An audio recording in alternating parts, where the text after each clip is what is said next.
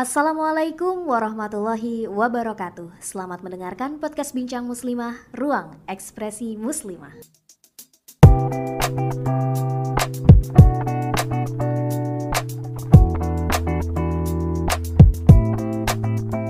Assalamualaikum warahmatullahi wabarakatuh Halo sahabat Bincang Muslimah Ketemu lagi di podcastnya Bincang Muslimah ya Di segmen Kali ini aku beda segmen Biasanya Risalah Cinta Hari ini aku ngambil segmennya Kaunai Sarahma Yaitu Bincangku Bincangmu Yang mau aku ajak ngobrol hari ini adalah orang yang keren Perempuan yang luar biasa Karyanya di mana mana Dia adalah Ayu Alfia Jonas Biasa dipanggil siapa? Jojo aja kak. Siapa Jojo ini? Kenapa dia ngobrol di sini? Sebenarnya Jojo ini adalah tim internal Bincang Muslimah juga. Insya Allah. Cuma biasanya yang di depan layar tuh bukan orangnya. Which is apanya Neng? Tulisannya. Tulisannya. Karena dia ini adalah salah satu redaksi dari eh, Bincang Muslimah, tim redaksi dari Bincang Muslimah. Tulisannya tuh eh, banyak di web. Nah, eh, kali ini aku akan ngebahas tentang perempuan. Karena si Jojo ini banyak banyak karyanya atau tulisannya ngomongin tentang perempuan gitu ya Jo. Nah, Jojo ini kan banyak nulis tentang perempuan. Nah, Jo, menurut lo perempuan itu seperti apa sih? Seperti apa ya? Ah, perempuan itu apa gitu loh. Oke. Biasanya kan perempuan orang lain tuh ngomongin perempuan sebagai objek nih. Kita sendiri ngomongin perempuan tuh kayak gimana? Seperti apa begitu Seperti ya? apa? Nah, eh, pengertian perempuan menurutku gitu ya, itu berasal dari pengertianku sendiri yang memandang diriku gitu kak. Nah, aku selalu memandang diriku sebagai manusia. Hmm. Tidak pernah memandang, oh saya perempuan, aku perempuan dan yang lain tuh sebagai laki-laki dan berbeda gitu. Oh. Nah, tapi pada kenyataannya, aku menemukan banyak hal yang membuat perempuan didiskriminasi dan lain sebagainya. Ah. Akhirnya aku menyimpulkan bahwa, oh perempuan ini istimewa. Hmm. Kenapa? Karena dia banyak Jadi- sekali. Karena dia banyak melawan hal dalam hidupnya. gitu. Ah. Nah, sebetulnya eh, pemikiran ini sudah aku tuangkan di dalam tulisannya Bincang Muslimah. Oh, ya. Judulnya apa tuh? Judulnya Perempuan, Cita-cita dan Stigma. Baca ya guys. Baca situ ada pemikiranku. Bacanya di mana? Websitenya apa? nama? Websitenya bincangmuslimah.com. bincangmuslimah.com yang mau nulis juga boleh loh Ya. kirim ke tim redaksi ya Makanya aku bilang perempuan tuh istimewa karena apa? Karena dia banyak melawan banyak hal dalam hidupnya. Mm-mm. Kayak gitu kak. Nah kalau kakak gimana nih kak? Aku penasaran nih sama Kak Isna. Eh, menurut gue Iya. perempuan tuh kayak gimana menurut aku tuh perempuan itu adalah makhluk yang independen Mm-mm. perempuan tuh eh, apa ya makhluk yang mandiri yang apa pun dia bisa lakoni gitu itu perempuan Iya. ya jadi eh, aku mendefinisikan diriku sebagai perempuan itu eh, tanpa apa ya tanpa melibatkan jenis kelamin yang lain Iya. ya aku mendefinisikan diriku ya dari diriku perempuan itu independen bisa melakukan apa pun eh, yang dia mau gitu aja Jadi stigma-stigma sosial bahwa perempuan lemah, Oh, perempuan itu bukan masuk Iya. definisi dari eh, diri aku Iya, bukan. itu sebenarnya sama sekali. karena pada dasarnya perempuan itu adalah makhluk yang kuat sih iya Iya. ya kan rasa perasaannya juga kuat Ya, yang tadi aku bilang dia berhasil melawan banyak Iya. hal bahkan sejak dia dilahirkan. gitu. Hmm. Itu sih. Nah itu tadi perempuan ya, dia berhasil melawan stigma-stigma yang mendiskreditkan dia, Betul. gitu kan? Eh, Iya sepakat kan? Aku sepakat banget kan. Iyalah harus kok pemaksaan ini jatuhnya. Nah eh, Jo, lo bangga nggak sih jadi perempuan? Eh, sejauh ini sangat bangga. Sangat bangga. Apa yang ngebuat lo bangga gitu Ya, jadi perempuan? karena berangkat dari pemikirannya tadi kan Mm-mm. bahwa perempuan itu istimewa karena melawan banyak hal. Mm-mm. Dari lahir Mm-mm. perempuan di nomor dua kan lah kira-kira. Ya kan? Masyarakat kan nomor dua kan perempuan. Mereka lebih me- Kenapa lo bisa ngomong gitu? ya karena di lingkungan Mungkin ada temuan-temuan yang lo begini kak sebenarnya aku berasal dari lingkungan yang perempuan-perempuan itu begitu berdaya gitu Mm-mm. mereka eh, mandiri segala macam seperti yang kak Isna tadi bilang tapi setelah aku berkenalan dengan teman-temanku eh, menjalani kehidupan termasuk kuliah ini ya kuliah dan sebagainya aku menemukan perempuan-perempuan yang didiskriminasi perempuan yang tidak boleh memilih pilihannya. Mm-mm. padahal pilihan hidup itu kan nyawa hidupnya perempuan. Cita-cita itu kan nyawa hidupnya perempuan. Tapi banyak sekali perempuan yang ketika misalkan bapaknya bilang oh kamu nggak boleh nih jadi misalkan kriminolog kamu harus jadi guru nih. Terus dia menurut begitu saja. Gitu. nah banyak teman-temanku yang seperti itu. Tapi beruntungnya aku berani gitu untuk bilang ke orang tua. Aku disuruh jadi ini kak apoteker sebenarnya. Oh. Makanya sekolahnya di farmasi. Iya, iya, iya. Nah, tapi setelah aku eh, lulus sekolah, akhirnya aku punya independensi sendiri, aku punya pemikiran sendiri. Aku jatuh cinta dengan filsafat. Akhirnya aku memilih di filsafat. Hmm, berani nyebrang, berani keluar dari zona nyaman, Iya, guys. keluar dari zona nyaman Ah, gitu. Makanya harus bangga Harus karena bangga. kita sebenarnya berdaya. Itu berarti secara nggak langsung eh, keluar dari zona nyaman lu adalah sesuatu yang eh, menjadi pengalaman baik di hidup lo. Iya, insya Allah Menjadi perempuan tuh ya. iya. Hmm. Itu keren banget sih. Nah, kan udah cerita nih kak. Ah. Nah sekarang kakak gimana? Aku cerita tentang pengalaman burukku kali ya, pengalaman burukku menjadi perempuan. Sebenarnya banyak sih ya, banyak kita temui eh, apa namanya stigma-stigma yang eh, menomorduakan perempuan gitu ya, sama kayak yang kayak tadi Jojo bilang. Cuma yang paling real dan yang masih menggema di kuping aku Iya. itu adalah ketika kemarin aku mau nikah. Ya, pas aku mau nikah eh, itu jadi biasanya kan memang aku eh, orangnya bisa masak, Mm-mm. cuma males gitu.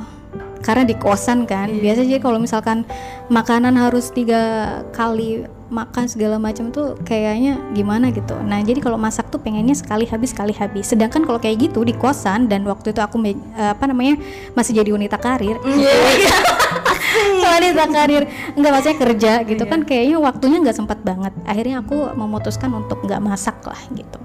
Nah eh, pas kemarin mau nikah tuh eh, keluargaku kan emang keluarga besar sih. Kayak tanteku apa ya ua segala macam tuh tahu kalau aku tuh emang orangnya males masak gitu sampai yang kita duduk bareng di dapur bercanda-bercanda itu kan biasa ya kan Eh, kalau bahasa kita tuh rewang sama nggak rewang Eh, kalau di Cirebon ya kumpul-kumpul aja Iya, sih. ngumpul-ngumpul nggak aja. Nah itu rewang masak-masak waktu mau uh, acara akadku gitu kan. Ya ya kali perempuan nggak bisa masak. Emang uh, masak itu cuma pekerjaan buat perempuan gitu loh. Uh, emang mau jadi perempuan cuma jadi pajangan aja. Itu yang bener-bener masih uh rasanya di kuping tuh ampun berdebu gitu ya, terus gitu. dan kayak menjadi I'm haunted. Meskipun sebenarnya ya seharusnya itu nggak berpengaruh sih gitu kan. Tapi kenapa kemudian aku menjadi terhantui dengan kata-kata itu? Karena ternyata nggak seluruh masyarakat Indonesia ini eh, tahu pemahaman tentang sebenarnya memasak itu juga kewajiban laki-laki loh gitu Itu dia kak. ini udah pernah dibahas di video di YouTube-nya Bincang Muslimah Ya lupa Jangan lupa ya. nonton. Channelnya apa? Bincang Muslimah. Lagi-lagi promosi ya kan. Nah di situ eh, bahkan ulama empat mazhab itu sepakat bahwasanya pekerjaan rumah dan lain-lain itu adalah kewajiban laki-laki gitu. Tapi aku pribadi nggak mau masak itu bukan karena aku tahu itu nggak. Cuma memang kita harus tahu sama-sama posisi posisi kita harus sama-sama tahu lah gitu ya. Antara suami dan istri itu harus ada kesepakatan. Kalau misalkan si istri lagi capek suaminya lagi fit ya dia yang ini gitu lah. Cuma memang aku tadi yang ya Allah kok rasanya sedih banget ya? Aku me- me- me- menggaungkan apa namanya tentang Kesetaraan. kesetaraan bahwasanya laki-laki dan perempuan tuh ya sama di rumah tangga tuh sama gitu baik laki-laki maupun perempuan bisa saling memberi nafkah gitu kan bisa sa- cari duit bareng bisa berdikari bareng lah gitu bisa mengerjakan pekerjaan rumah bareng Pokoknya cuma semuanya bareng gitu kerja sama. Eh, eh, gitu ya. kerja sama lah kita partner Iya. ya kan pernah gak denger yang eh, apa namanya eh, kak sastra Mhm. apa sih kutipan sastra gitu yang bahwasanya perempuan itu bukan diciptakan dari tulang ekor, Oke. bukan diciptakan dari tulang ekor karena perempuan diciptakan bukan untuk diinjak-injak. Perempuan bukan diciptakan dari tulang Dari kepala. tulang. Karena perempuan diciptakan bukan untuk menginjak-injak. Tapi perempuan diciptakan dari tulang rusuk untuk apa? Untuk berjalan bersama dengan laki-laki Masya gitu Allah. itu mungkin Jojo tahu tuh atau inian. aku, Aku lupa sih itu dari Cuma lupa ungkapan juga. siapa sih. Tapi yang jelas aku pernah ngutip itu juga gitu. Dan itu menurutku filosofinya keren banget kan. Dan yang perlu diketahui adalah untuk memahami atau untuk memahamkan orang-orang ini ya eh, itu perlu usaha ya nggak sih Jo? Wuh, bukan pelusa lagi kayak itu ekstra keras. Ekstra banget kan? Ekstra keras. mungkin Jojo mungkin bukan cuma aku dan Jojo sih yang menemui ini dalam kehidupan sehari-hari. Mungkin teman-teman di eh, mana pun Iya. berada juga pernah menemukan ini dan sering banget kan? Sahabat bincang muslimah pasti ngaku nih. Menurut Jojo gimana Jo untuk untuk Oke. untuk meminimalisir ini? aku selalu bersikap cuek cuek ya? Iya, jadi ketika ada yang bilang, apaan kaum perempuan? menggeluti filsafat? Kita lihat betapa filsuf perempuan tuh tidak ada di Indonesia. Cuma ada Karlina Supeli. Hmm. Ketika perempuan jat eh jatuh menekuni bidang keilmuan itu biasanya dia feminisme. Kak. Hmm. Tidak tidak ada gitu yang oh, aku ke filsafat nih, aku ke sosiologi. Nah, di situlah karena usaha ekstra kita untuk menyadarkan ya istilahnya dalam tanda kutip menyadarkan masyarakat bahwa tugas-tugas gender itu nggak semuanya di perempuan gitu kan tugas berbasis gender memasak mencuci segala macam itu juga laki-laki Hmm. nah kayak gitu akhirnya aku selalu cuek dan itu sikapku gitu Hmm. bagiku apa yang sekarang harus aku lakukan selain mendampingi mereka yang eh, di feminisme atau ke kesetaraan gender pemberdayaan perempuan aku harus jadi manusia yang berdaya Hmm. manusia yang berdaya yang eh, memperjuangkan apa yang menjadi passionku Hmm. Hmm. apa yang Itu harus iya apa yang menjadi fokusku gitu makanya cuek itu perlu Hmm. Tapi mungkin mungkin bahasanya bukan cuek ya Jo. Kalau cuek kan dia emang bener-bener nggak mau tahu banget tuh. iya Tapi Jojo ini posisinya adalah ingin membuktikan dengan Nah. karya. Ini banget Kak Oke. iya iya itu ingin membuktikan dengan Iya, karya. uh-huh. Jadi masa bodoh dengan omongan orang tentang stigma bahwasanya perempuan itu Iya. eh, ecek-ecek lah gitu kan. iya, nah, that's the Jojo tuh bener banget masa bodohnya di situ tapi Jojo justru itu yang menjadi pendorong Jojo untuk terus berkarya. itu dia. Kita buktiin lewat karya ya Iya, enggak Jo? betul. Heeh, Itu dia. Bahwasanya perempuan tuh bisa menguasai bidang apa pun. buktikan dengan karya kalau Krisna gimana nih pembuktiannya nih? Eh, pembuktiannya ya mungkin ngobrol-ngobrol sama Jojo ini pembuktian. Udah berapa ngarang buku Jo? aku malu kak bentar ya tarik nafas Jo, tarik nafas. Sebutin karyamu yang banyak itu. oh enggak sih sebenarnya kalau analogi ada beberapa antologi ada Antologi, beberapa ya. cuma untuk karya buku pribadiku hanya cuma dua kak Oh, dua. cuma dua pertama itu kumpulan cerita pendek Heeh. judulnya sebuah kencan yang baik jangan terprovokasi dulu Sebuah kencan yang baik. sebuah kencan yang baik Aku bawa lo bukunya. Iya. Nih guys.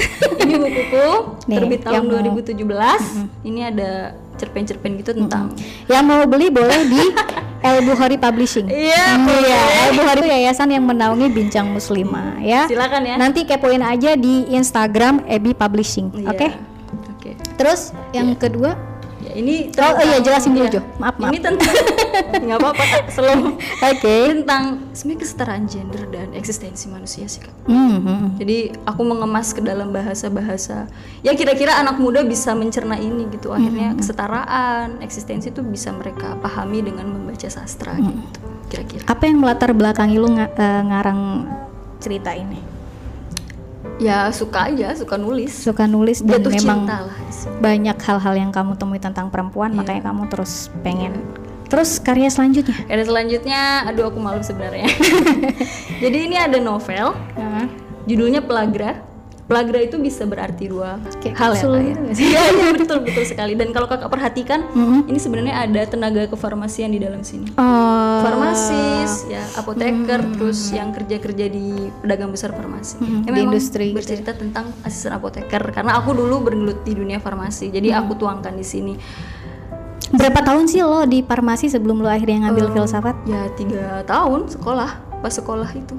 Oh, Iya. SMK ya? SMK. Oh iya iya iya. Nah I see. cuma karena aku sambil kerja waktu itu sekolahnya, jadi aku pernah di apotek, apotek gitu, apotek kecil di Cirebon. keren loh. Dia kerja bisa menghasilkan karya ya kan. Ya, Ini juga Kak. kayak tamparan gitu loh buat aku. Ini karya tahun 2019, bukan waktu aku SMA. Oh, Nah, tapi kan tetap dong Iya. semuanya terangkum gitu Iya, kan pengalaman-pengalaman pribadinya terangkum dalam sebuah Dalam sebuah karya. Oke. Kak. Keren. Terus kalau Iya. antologi-antologi yang lainnya? Antologi yang lainnya ada Dermaga Kasih, terus Gerasak Kerusuk Media Sosial, ya gitulah. Terus kalau disebutin Pokoknya kalau mau pesen teman-teman langsung hubungi Instagram DM ya at underscore at underscore publishing. jangan lupa ya, awas kalau nggak Wah, anda ngancem. Ya, itu keren banget sih Jojo sumpah ya, karena memang apa ya iniin banget lah. Sebenarnya menurutku jalan masing-masing aja sih kak. Bukan keren atau tidaknya gitu. Kan kita punya Passion masing-masing. ada yang tapi menurutku kamu itu sebagai sosok perempuan satu sosok perempuan yang keren juga gitu Jo. Jadi keren dalam satu passion nanti uh, perempuan yang lain menurutku semuanya perempuan tuh Iya, keren, uh, dalam passionnya masing-masing. Aku juga keren kok. Iya. Kaisna ini aku sebuah narsistik ya poin Instagram. Udah udah udah udah. S2 loh keren banget. Aku S1 aja belum lulus loh kak. Itu perjuangan loh Jo Nah, ngomongin itu tuh, S2 ini dia nih yang harus aku dengarkan sebagai pelajaran Ya, Karena- silakan. perempuan ya kan di pendidikan dan dia S2 gitu kan. Kalau aku kan dari kampung ya. Dari Sama. sama ya. Kita ke Jakarta kan merantau gitu Iya. kan. S2 untuk orang-orang di kampung itu kayak bukan sebuah prestasi, justru sebuah momok gitu. iya Apalagi waktu ngejalanin S2, aku belum nikah. Lagi-lagi nih, stigma orang terhadap perempuan yang berpendidikan tinggi itu ampun-ampunan sih. ya sih. nafas dulu ya kak. Karena Iya. itu temanya berat. Eh, ya karena memang itulah yang ku temuin gitu kan. Sampai orang tua aku tuh insecure banget loh. Aku tuh kayak nyeritain ya udahlah Umi tuh cuek aja ya gimana mau cuek? Kanan kiri semuanya neken gitu loh. Orang tua aku kalau misalkan ke insecurean itu cuma ke aku doang it's okay. Tapi ini ke orang tua aku gitu yang mereka tuh kayak ditanyain saudara ngapain sih sekolah tinggi tinggi gitu loh. Udah dulu S2 nya tuh udah maksudnya eh, nikah dulu lah Nikah baru dulu, S2 ya lu maksain gue nikah kalau jodohnya belum datang gimana? Tapi kan sekarang udah datang Ah, ya. alhamdulillah. Tapi bukan perkara jodoh datang atau enggaknya itu sih, cuma masalah nyinyiran orang terhadap pendidikan eh, tinggi seorang perempuan. aku sebenarnya nulis juga kak di Ah. tadi yang artikel perempuan cita-cita dan stigma gitu Ah, ah. ada tiga stigma yang melekat di perempuan yang itu susah banget untuk kita apa ya kita tak labrak gitu Hmm, hmm. apa ya bahasa ininya kita Hancurin. sadarkan Kita gitu sadarkan, iya betul sadarkan. pertama itu perempuan berpendidikan Mm. itu banyak orang yang bilang laki-laki nih bakal apa minder kalau ketemu perempuan Ah. yang terlalu pintar gitu aku sangat tidak setuju Gak setuju sih, iya. Itu itu memang harus di ini banget lah, harus disadarkan gitu. Nah itu akhirnya memunculkan bahwa S2 tidak penting. Stigma itu yang menurutku. Padahal penting banget Padahal loh, penting, penting, banget apalagi untuk perempuan nantinya tuh kan buat yang pengen ya, buat yang pengen jadi ibu itu penting banget sih gitu. Eh, buat misalkan perempuan-perempuan yang udah jadi ibu, bahwasanya semuanya itu learning by doing, Hmm? eh, belajar sambil ini itu penting. Mereka menguasai itu, tapi untuk mengetahui, untuk mendapatkan ilmunya juga kita ya perlu juga berpendidikan tinggi Iya. gitu loh. Jadi bukan hanya sekedar praktik gitu, tapi kita juga harus menguasai eh, teori-teori yang betul, lain. betul. Sepakat, gitu. Iya kan? Iya. Dan aku benar-benar ya Allah mau ini deh yang penting perempuan tuh Tapi Kak, jangan pernah menomorduakan pendidikan. hebatnya kakak kakak bisa melalui itu semua. loh. Ya itu berat sih Itu Jo. satu pencapaian. Pencapaian Yang semua orang, yang nggak bisa semua orang ini kan Iya capai sih, gitu. Iya. Ada Ya, satu ya, temanku ini adalah gini, apresiasi terhadap diri sendiri ya, self appreciating gitu ya. Ada satu temanku pernah bilang gini, ini membekas sih seumur hidupku gitu Hmm. gini. Kalau orangnya bukan lu, nggak ada yang bisa, cuy. Hmm. Ya, ya. Jadi itu adalah sebuah kata yang bisa membanggakan Iya diri kalimat sendiri. itu. Makasih ya. teman. membangun diri sendiri gitu ya. Iya. Ya sih, gue juga mau terima kasih sama orang-orang yang sudah mungkin nyinyir ke orang tua gue, sudah nyinyir ke diri gue tentang itu tadi. Gue bisa kok gitu. Akhirnya melalui hal-hal ini. Yuk bisa ya. aduh, aduh. Jadi emang perempuan di mana pun lo berada gitu ya, tetap jadi diri sendiri. Jangan lupa berkarya dan terus kejar passion. Harus, harus. Kalau emang lu pengen uh, passion lo di pendidikan, kayak misalkan gua kan pengennya uh, ya itu tadi ya berpendidikan. Yang penting gue berpendidikan tinggi aja, karena itu bakalan penting. Gak sekarang mungkin nanti, ya kan? Gitu. Ada lagunya dong kak. Apa? Mungkin bila. Kok gue nggak nggak gitu ya? Ampun. Kayak Jojo juga passionnya di nulis, tetap nulis, keep going gitu kan. Buat teman-teman yang passionnya di bisnis, tetap bisnis. Bisnis. Tapi tetap sih pendidikan tuh menurut aku ya utama, Penting. Number one. number one gitu kayak gua uh, pendidikan ya oke lah pendidikan terus yang lainnya mungkin jadi konten kreator kayak gini dokter, apoteker, Apoteker, iya. selebgram, itu Selebgram, iya. loh. Karena kak selain stigma-stigma itu, perempuan yang nyinyir sama perempuan lain juga itu satu masalah tersendiri. iya itu banyak banget Makanya. lah itu tadi yang gue bilang eh, saudara-saudara yang nyinyir ke gue itu perempuan Nah, coy masalahnya bukan laki yang laki mah justru diem-diem apa yang aja perempuan hadapi terutama di Indonesia tuh berlapis-lapis seperti Iya. gunung es yang Iya. kalau dirubuhkan asik-asik sulit sekali. filsuf lagi ah, itu kan cuma analogi no. iya iya iya oke jadi emang stigma dari perempuannya sendiri sih yang itu karena apa sih mungkin kalau dikulik ya Hmm. itu adalah ku minimnya literasi Nah, that's the point lagi kak. iya kan Akhirnya kakak ngapain lagi tuh? nah jadi kalau misalkan untuk menaikkan tingkat membaca mereka sekarang kan udah ada gadget Sebenarnya. jadi sebarin aja lewat tulisan-tulisan kalian di bincang muslimah Betul. lagi-lagi promosi karena paling enggak eh, sehari ada yang nyebar satu satu satu sampai setiap orang tuh bisa teredukasi yang disebarin nyebarin lagi, yang udah disebarin sebarin, Iya. nyebarin lagi kan? iya dari mulut ke mulut Estafet. lah eh, gitu paling enggak tulisan Jojo tuh bisa dibaca sama orang pedalaman mana gitu ya kan? Ingin aku pengen banget tuh podcast gitu. kita podcast kita bisa didengerin di mana gitu kan? Ya elah. Akhirnya Jojo wow melejit. Oke gitu Jo. Iya. Nah gitu ya Jo ya. Tetap pokoknya buat kita semuanya eh, Keep going aja sama passion kita masing-masing. Menjadi perempuan yang cerdas itu adalah sebuah keharusan. Menjadi perempuan yang merdeka itu adalah sebuah martabat Masya Allah, subhanallah, Isa. Jadi kita tetap harus bangga menjadi perempuan Kita harus memberikan apresiasi setinggi-tingginya untuk diri kita sebagai perempuan bukan Setuju? Hmm. hanya setuju banget kak, tapi bukan hanya jadi perempuan, tapi manusia Manusia yang berdaya gitu. manusia yang berdaya. Oke guys, eh, sekian podcast dari kita obrolan kita ya kali ini. Mudah-mudahan ada yang bisa diambil manfaatnya. Kalau misalkan nggak ada yang bisa diambil manfaatnya ya buang aja. Gue dengerin. Eh, kalau misalkan ada mau sumbang tema boleh ya guys, Eh, kasih aja nanti email atau DM atau apa atau komentar segala macam ke DM kita. ke Kaisna boleh? Oh boleh. mau promosiin? Iya, boleh. Akun IG-nya apa? Akun Instagram aku Ayu Alfia Jonas. At Ayu Alfia Jonas. Oke, aku at Isna underscore. Oke. Oke. promosi dari awal sampai akhir kayak promosi terus. Oke guys, thank you. Uh, wassalamualaikum warahmatullahi wabarakatuh.